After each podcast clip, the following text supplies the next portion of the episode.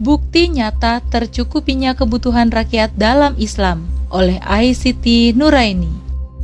Tidak boleh ada rakyat sampai kelaparan. Narasi ini begitu santer disuarakan oleh pemerintah di tengah kesulitan masyarakat di masa pandemi ini. Terlebih saat PPKM atau pemberlakuan pembatasan kegiatan masyarakat yang dilakukan sejak hari Sabtu 3 Juli 2021 kemarin.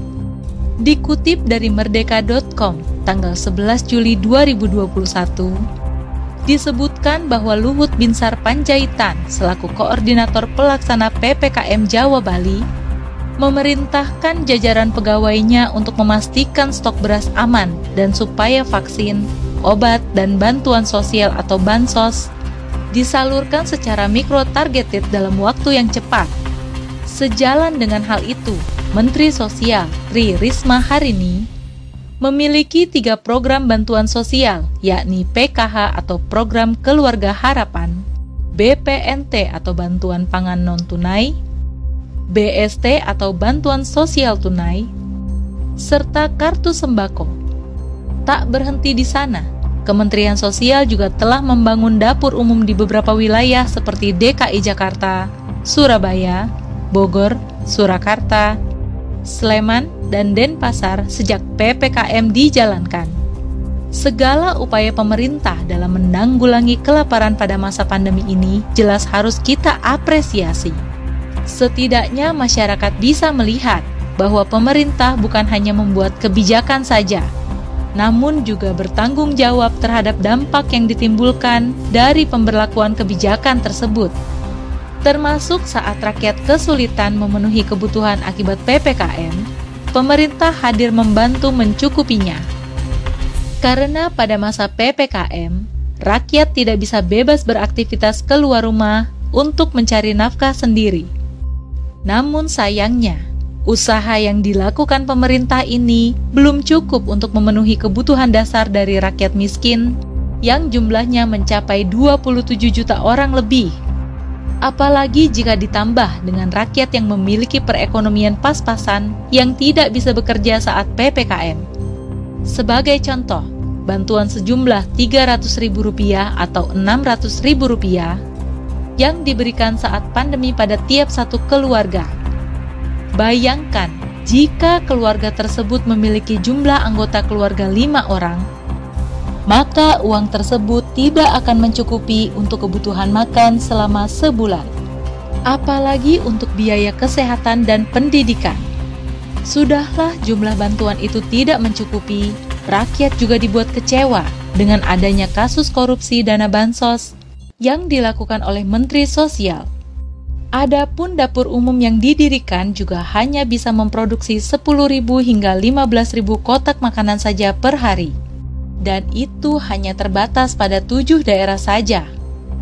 Maka, mana mungkin bisa menjangkau setiap rakyat kelaparan yang ada di seluruh wilayah? Rakyat bukannya tidak berterima kasih atas bantuan yang diberikan ini. Akan tetapi, jika diingat kembali uang yang dimiliki negara pada hakikatnya adalah milik rakyat, maka sudah sepantasnya digunakan untuk keperluan rakyat Selain masalah keterbatasan jumlah bantuan, rakyat juga dibenturkan pada rumitnya administrasi yang harus diurus agar mendapatkan bantuan itu. Jangankan administrasi lengkap, untuk sekedar mendapatkan KTP saja, rakyat begitu kesulitan dan harus menunggu dalam waktu yang lama. Akses pembuatan surat-surat kependudukan yang ada di pusat kota juga menjadi kendala tersendiri bagi mereka yang bertempat tinggal di pelosok daerah. Mereka harus mempersiapkan waktu dari subuh hari serta biaya akomodasi saat mengurus surat-surat ini. Oleh karena itu, hal yang dibutuhkan rakyat bukan sekedar narasi yang menarik atau tindakan setengah hati yang hanya menjadi pencitraan saja. Rakyat membutuhkan tindakan nyata yang dipikirkan dan dijalankan dengan sepenuh hati oleh pemimpin yang menyadari tanggung jawabnya untuk mengurus kepentingan rakyat. Namun, pemimpin harapan umat yang penuh tanggung jawab maksimal tidak akan pernah dijumpai dalam sistem yang menjauhkan aturan syariat seperti saat ini, yakni sistem kapitalisme sekuler. Pemimpin dengan aturan sekuler yang diadopsinya tidak menjalankan aturan sesuai kehendak Sang Pencipta, melainkan berdasarkan kehendak penguasa. Karena setiap kebijakan yang dikeluarkan senantiasa akan mempertimbangkan untung rugi serta disesuaikan dengan kepentingan dirinya dan para pendukungnya dari kalangan kapital. Maka tak jarang rakyatlah yang menjadi korban. Dalam Islam, pemimpin akan menganggap kekuasaan yang mereka miliki sebagai amanah, bukan sebagai aji mumpung agar bisa membuat kebijakan yang menguntungkan diri mereka dan pendukungnya. Efek dari hal tersebut, maka setiap kebijakan akan dipikirkan dengan matang, karena mereka menyadari bahwa setiap kebijakan, perkataan, dan tingkah laku yang mereka tunjukkan saat memimpin akan dipertanggungjawabkan di akhirat kelak. Termasuk saat penduduk di dalam negeri yang dipimpinnya terjadi wabah. Dia akan mengerahkan segala daya upaya untuk menghambat bahkan menghentikan laju penyebarannya.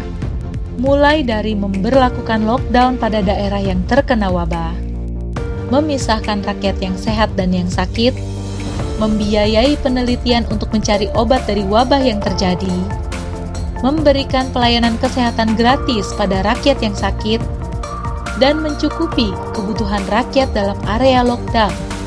Dengan demikian, wabah akan cepat ditangani.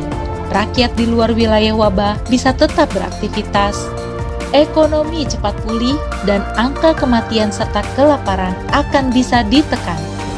Sejarah juga telah menunjukkan bagaimana pemimpin dalam Islam mampu mengatasi krisis yang berat Selain karena pertolongan dari Allah Subhanahu wa Ta'ala, keberhasilan ini juga disebabkan oleh rasa tanggung jawab yang benar-benar dipenuhi oleh mereka.